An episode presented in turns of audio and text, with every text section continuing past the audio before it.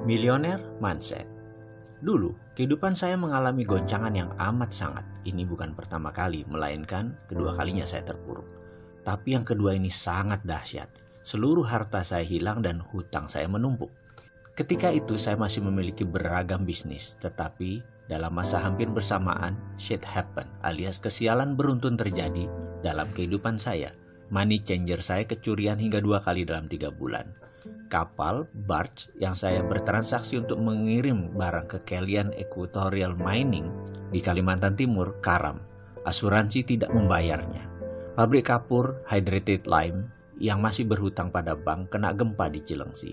Gempanya memang kecil, tapi meretakkan tungku utama yang harganya mahal. Traktor di kuari kapur meluncur tak terkendali menabrak silo pabrik. Asuransi juga tidak menggantinya. Ditambah lagi bank pembiayaan kami yaitu PDFCI ditutup BPPN di tengah krisis keuangan yang berkepanjangan kala itu. Harga bahan baku mendadak naik 200% yaitu harga gas. Perusahaan saya pun terpaksa file for bankruptcy. Semua musibah ini terjadi dalam kurun waktu 2 tahun yaitu tahun 1999 dan 2001. Kerugian tak tanggung-tanggung. Mobil hilang semua, rumah tiga hilang semua, masih berhutang 9 digit lagi. Setiap saat, setiap hari emosi saya memuncak. Makan keluarga, bayar sewa, uang sekolah anak membuat panik dan marah. Mau bekerja di mana? Kapan hutang terbayar? Bagaimana untuk hidup? Demikian segala hal itu berkecamuk di kepala saya. Dikejar debt collector, dikejar hukum, dikejar BPPN, dan juga dikejar teman investor yang marah dan kecewa dengan saya. Bayangkan betapa kusutnya situasi saya saat itu. Di tengah keputusasaan, siang itu saya langsung memandang langit dan bicara langsung kepada Allah Subhanahu wa taala, Tuhan yang saya percayai 100%. Saya katakan kepadanya bahwa saya putus asa dan hidup saya sudah diambang frustrasi. Saya marah sekali kepada semuanya. Saya menuduh kehidupan ini tidak adil. Saya merasa telah melaksanakan seluruh ajaran agama. Saya teringat betapa tertibnya saya puasa Senin Kemis selama lima tahun. Saya tidak putus sholat malam selalu tahajud setiap malam. Jangankan peribadatan yang wajib-wajib, yang sunnah saya laksanakan semua. Hitungan zakat, hitungan sedekah, saya tidak dua setengah persen lagi. Saya mendirikan panti asuhan, mengelola 8 panti, menampung 400 anak yatim dalam kurun waktu lima tahun kala itu. Itu semua saya laksanakan dengan tulus, dengan keindahan munajat.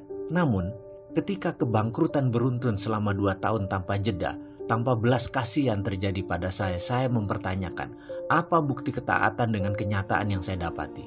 Jujur, saya marah kepada Tuhan. Waktu itu, saya protes, bahkan sempat muncul keraguan dalam hati saya mempertanyakan keadilan Tuhan. Saya bertanya kepadanya, mengapa musibah ini terjadi kepada saya? Apalagi yang kurang dari saya, sehingga saya pantas menerima ini semua. Mengapa rasanya hidup ini kejam dan sadis sekali? Pertanyaan-pertanyaan itu terus berputar dalam diri saya. Akhirnya, saya mulai menjauh dari Tuhan. Jangankan sunnah, yang wajib pun mulai saya tinggalkan karena saya meragukan semua tentang ajaran kebenaran agama saya. Saya bertanya, namun tidak ada jawaban. Saya kesal, saya murka. Permasalahan ekonomi ini akhirnya berimbas pada rumah tangga dan pernikahan pertama saya waktu itu. Istri saya kembali ke rumah mertua. Kemudian saat itu anak saya yang tertua demam panasnya 39 derajat Celcius dan sudah tidak gerak banyak. Adiknya pun mengalami hal yang sama. Mereka masih balita berumur 4 tahun dan 2 tahun. Listrik di rumah padam. PLN tidak mampu bayar. Tidak ada makanan, tidak ada uang di tangan. Dan setiap saat ada telepon isinya penagih hutang-hutang saya. Saya berutang pada lebih dari 5 institusi keuangan, lebih dari 60 individu. Dari utang yang berjumlah hanya 1 juta hingga miliaran rupiah. Puncaknya, suatu hari saya ditelepon oleh seorang pemberi hutang yang mungkin sudah muak dengan saya. Dengan kasar dia bilang akan mendatangi rumah saya sore ini dan dia akan tagih dengan apa pun resikonya. Kalau tidak bayar, dia akan paksa. Gaya bicaranya sudah seperti preman. Tumpah darah pun dia siap katanya. Saya tidak ada pilihan. Hanya bisa melakukan satu hal. Saya bertahan habis-habisan, saya asah pisau. Saya sudah tidak sanggup lagi dan bersiap untuk kemungkinan terburuk. Kalau memang orang itu menantang bertumpah darah, terpaksa saya lawan. Saat itu rasanya saya siap membantai orang. Saya sudah tidak peduli lagi apa yang akan terjadi. Saya sudah tidak punya apa-apa, bahkan harga diri pun saya tidak punya. Saya siap mati. Kedua anak saya yang demam membujur lemas di lantai beralaskan hanya bed cover, bukan tempat tidur, udah dijual tempat tidurnya. Yang satu minum dari botol air tajin, air beras. Yang satu hanya diam dengan botol air mineral yang tidak diminumnya. Saya hanya menatap kosong. Ke dokter tidak bisa. Tidak ada jalan lain saya menuju ke dokter. Karena itulah, begitu ada yang menantang harga diri saya sudah tidak punya apa-apa lagi. Saya siap jiwa raga. Dia yang menagih, kalau datang mencari ribut, saya bunuh. Itu pikiran laknat yang sempat terlintas dalam benak saya. Saat itu saya berpikir, toh dia orang rantau, keluarganya tak ada yang tahu, teman pun tak banyak. Kalau saya terpaksa bunuh dia, saya kubur di halaman belakang. Tidak ada yang tahu juga, rasanya saya benar-benar sudah dirasuki dajjal. Saya kumpulkan barang-barang di sekitar saya dan saya pakai untuk membantai orang ini. Benda tajam, benda keras, benda panjang, semua saya siapkan. Saya umpetin di mana-mana. Saya tahu sekali bagaimana menggunakannya dan saya tahu sekali di mana sudut ruangan yang saya bisa pergunakan. Intinya saya panik aja segila-gilanya manusia.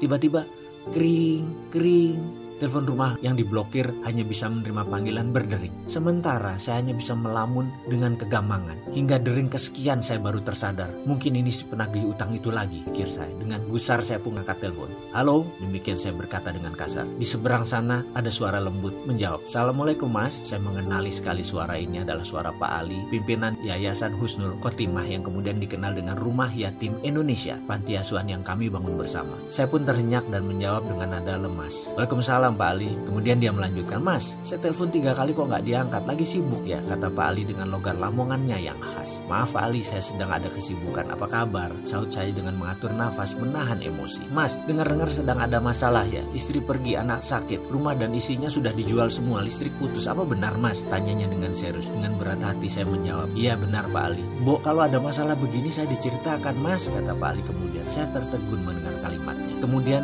dia melanjutkan, Mas, walaupun kita miskin, ya yayasan kita ada pegang uang dikit. Kalau Mas butuh nih ada 3 juta, pakai aja dulu Mas. Mas berhak kok. Sudah lima tahun Mas membangun yayasan ini. Kalau ada masalah seperti ini, Mas punya hak untuk memakai dan meminjamnya. Saya ke rumah ya sekarang, terus bawa anak-anak ke dokter. Saya yang antar. Nyes. Rasanya saat itu bara di hati saya seakan tersiram satu ember es batu. Saya tertegun, terduduk, dan menangis terseduh. Saya tidak kuasa menahan getaran di dada. Rasa haru, rasa malu, ada rasa senang, kesal, semua jadi satu. Dengkul saya keduanya di lantai. Tangan saya masih memegang kelewang, pedang pendek. Sesaat kemudian saya buang jauh. Yang ada hanya diri saya tersungkur bersujud. Saya salah ya Allah, saya salah. Batin saya memohon tobat. Saya tersungkur di sajadah tua yang tepat ada di samping saya. Tak lama kemudian selagi saya terduduk menatap langit di bawah pohon kelapa di teras belakang rumah, terdengar suara bariton mengucapkan salam. Assalamualaikum, sapanya. Saya pikir Pak Ali, rupanya bukan. Ah, dia rupanya tadi orang yang menagih utang dan menantang saya. Saya punya menjawab, Waalaikumsalam. Begini Pak, utang Bapak 10 juta, apa bisa saya ambil sekarang? Saya hanya berkata, anak saya sakit. Saya perlu uang untuk biaya anak saya. Sebentar lagi ada uang 3 juta datang. Terserah Mas, mau ambil berapa Mas atur. Kalimat itu mengalir tanpa saya rancang. Marah saya sudah hilang, saya pasrah saja. Oh, begitu Pak, katanya dengan nada datar. Anak Bapak sakit dua-duanya. Yang berbaring di dalam itu ya, katanya sambil menengokkan kepala ke arah ruang tengah. Iya, saya jawab singkat. Oh maaf kalau gitu, saya nggak tahu Pak kalau Bapak anaknya sakit. Sebaiknya Bapak urus mereka. Uang saya gampang, saya pamit dulu deh. Besok kabari saya pak, urusan utang gampang, yang penting keluarga dulu. Begitu katanya tanpa basa-basi dan tanpa diduga-duga. Dia pun pamit pergi dan saya masih di posisi kebingungan. Lunglai di ujung bangku di bawah pohon. Tubuh saya berkeringat. Saya memaksa diri untuk bangun dan mengikuti dirinya dari belakang sambil memanggilnya. Mas, saya pasti bayar utang saya. Saya hanya butuh waktu. Maafkan saya ya mas kalau saya kasar dan panik. Itu kata saya. Ketika dia berbalik badan, saya julurkan tangan saya yang kemudian dia sambut dengan jabatan erat dan senyum di bibirnya. Dia berkata, iya pak, saya juga minta maaf. Saya salah mas, kata saya. Saya berutang tapi tidak berkemampuan. Saya janji mas, saya bayar. Tak lama setelah dia pergi datang Pak Ali dengan kijang tuanya. Tanpa basa-basi langsung saya peluk dia. Pak Ali, sukron, terima kasih. Itu kata saya saya. Ayo ke dokter mas, aku bawa Fatur, mas gendong Aska, ajaknya singkat. Setelah dua tahun dihajar musibah yang merusak keyakinan saya, akhirnya saat itu saya menyadari satu hal. Semua masalah yang saya alami berasal dari diri saya. Hal lain di luar diri saya hanyalah pelengkap. Saya langsung berdoa, maafkan saya ya Allah, ampuni saya. Engkau begitu mulia dan saya selama ini salah memandangmu. Saya sadar bahwa saya sendirilah yang harus bertanggung jawab dan menyelesaikan semua ini. Sayalah yang incar sepenuhnya. Maafkan saya yang telah melakukan kekuasaanmu ya Allah. Saya memilih berdamai dengan Allah. Saya memilih memulai sesuatu dengan kesadaran penuh untuk mengubah nasib saya, menulis ulang sejarah hidup saya. Saya mendapatkan semacam pemahaman baru bahwa cara berpikir selama ini tidak bekerja dengan benar. Buktinya saya rugi, buktinya saya bangkrut, buktinya semua orang menjauh. Akhirnya saya harus merubah cara pikir saya. Itu ada dalam benak saya. Saya harus berubah. Saya harus ke mana dan bagaimana saya mengubahnya? Itu pertanyaannya. Berkali-kali saya bertanya dalam diri saya. Tak lama setelah menjual rumah, saya pindah ke rumah kontrakan yang sempit. Suatu sore, tetangga rumah kontrakan saya pulang kantor. Kaca mobilnya terbuka separuh. Dia rupanya ingin membuang sesuatu, mungkin sampah. Agaknya dia tidak melihat saya berdiri di sisi jalan tersebut. Mungkin karena maghrib pencahayaannya mulai samar. Mungkin juga dia tidak fokus karena mengumpulkan barang yang akan dibuang. Bruk, tiba-tiba segumpal kertas jatuh tepat di kaki saya. Entah mengapa saya tergerak memungutnya dengan tulisan yang berwarna merah mengkilat. Setelah saya membuka lipatannya, saya membaca kertas tersebut ternyata brosur Millionaire Mindset Training di Australia. Saya merasa aneh dan terkejut. Inikah jawaban doa yang saya panjat? Saya berdiri termenung Rupanya tetangga saya tadi baru sadar bahwa sampah yang dibuang tadi jatuh di depan saya. Dia pun menghampiri saya. Mas maaf sekali. Saya nggak lihat katanya Kikuk. Loh nggak apa-apa. Aku kan hanya ngelamun. Nggak ngeh. Aku baru ngeh pas ngeliat brosur itu. Kata saya basa-basi sambil menunjukkan lembaran tersebut. Iya, tadi saya dari kantor, tapi sepertinya nggak mungkin saya ke sana. Bukannya nggak butuh jadi orang kaya, tapi harganya itu loh. Seminggu di sana 30 juta. Mending buat modal katanya mengurai. Saya hanya mengangguk-mengangguk sambil tersenyum. Saya pamit Pak Sarif, kata saya. Iya pak, maaf ya, tadi benar-benar nggak sengaja katanya. Sungguh-sungguh. Nggak apa-apa bos, santai aja, jawab saya kemudian. Setelah itu, saya langsung sibuk berpikir, di mana saya cari uang 30 juta? Belum lagi uang untuk sanggup keluarga di rumah sementara saya pergi. Yang jelas saya sudah tekad untuk berubah. Saya bertekad untuk berubah dan melihat ini sebagai solusinya. Saya percaya itu. Singkat cerita, harta terakhir saya yaitu motor Tiger, mesin jahit, dan beberapa barang keluarga saya jual. Saya nekat terbang ke negeri kangguru. Saya menginginkan ilmu tersebut. Saya pun berangkat untuk mengikuti Millionaire Mindset Training di sana dengan harapan bisa menerapkan untuk memperbaiki kondisi hidup saya. Kira-kira sebulan setelah kembali dari pelatihan selama tujuh hari tersebut, ternyata tidak ada perubahan apa-apa dalam perjalanan kehidupan saya. Saya masih menganggap bahwa apa yang saya pelajari itu aneh dan gak kena di logika. Mek ngonoto, apa iyo? Itu saya berkali-kali bilang, masa begitu sih? Emang gitu?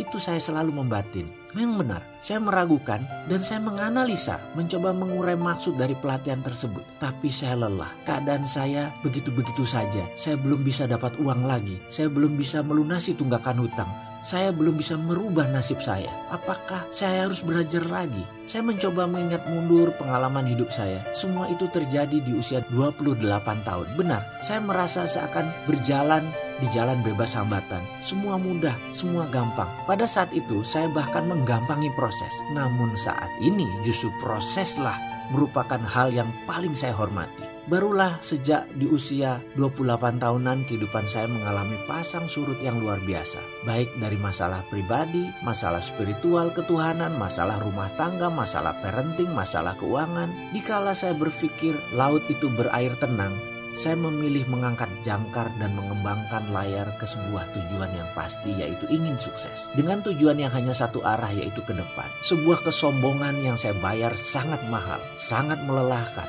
penuh duka, air mata dan keringat. Ternyata laut di depan tidak semanis gelombang di pantai. Di dalam perjalanan ombak besar, angin kencang, bahan bakar kurang, sumber daya terbatas. Satu hal yang saya lupa, saya tidak bawa kompas penunjuk arah. Dalam artian, saya mengarungi samudera tanpa ilmu, tanpa petunjuk, tanpa pembimbing.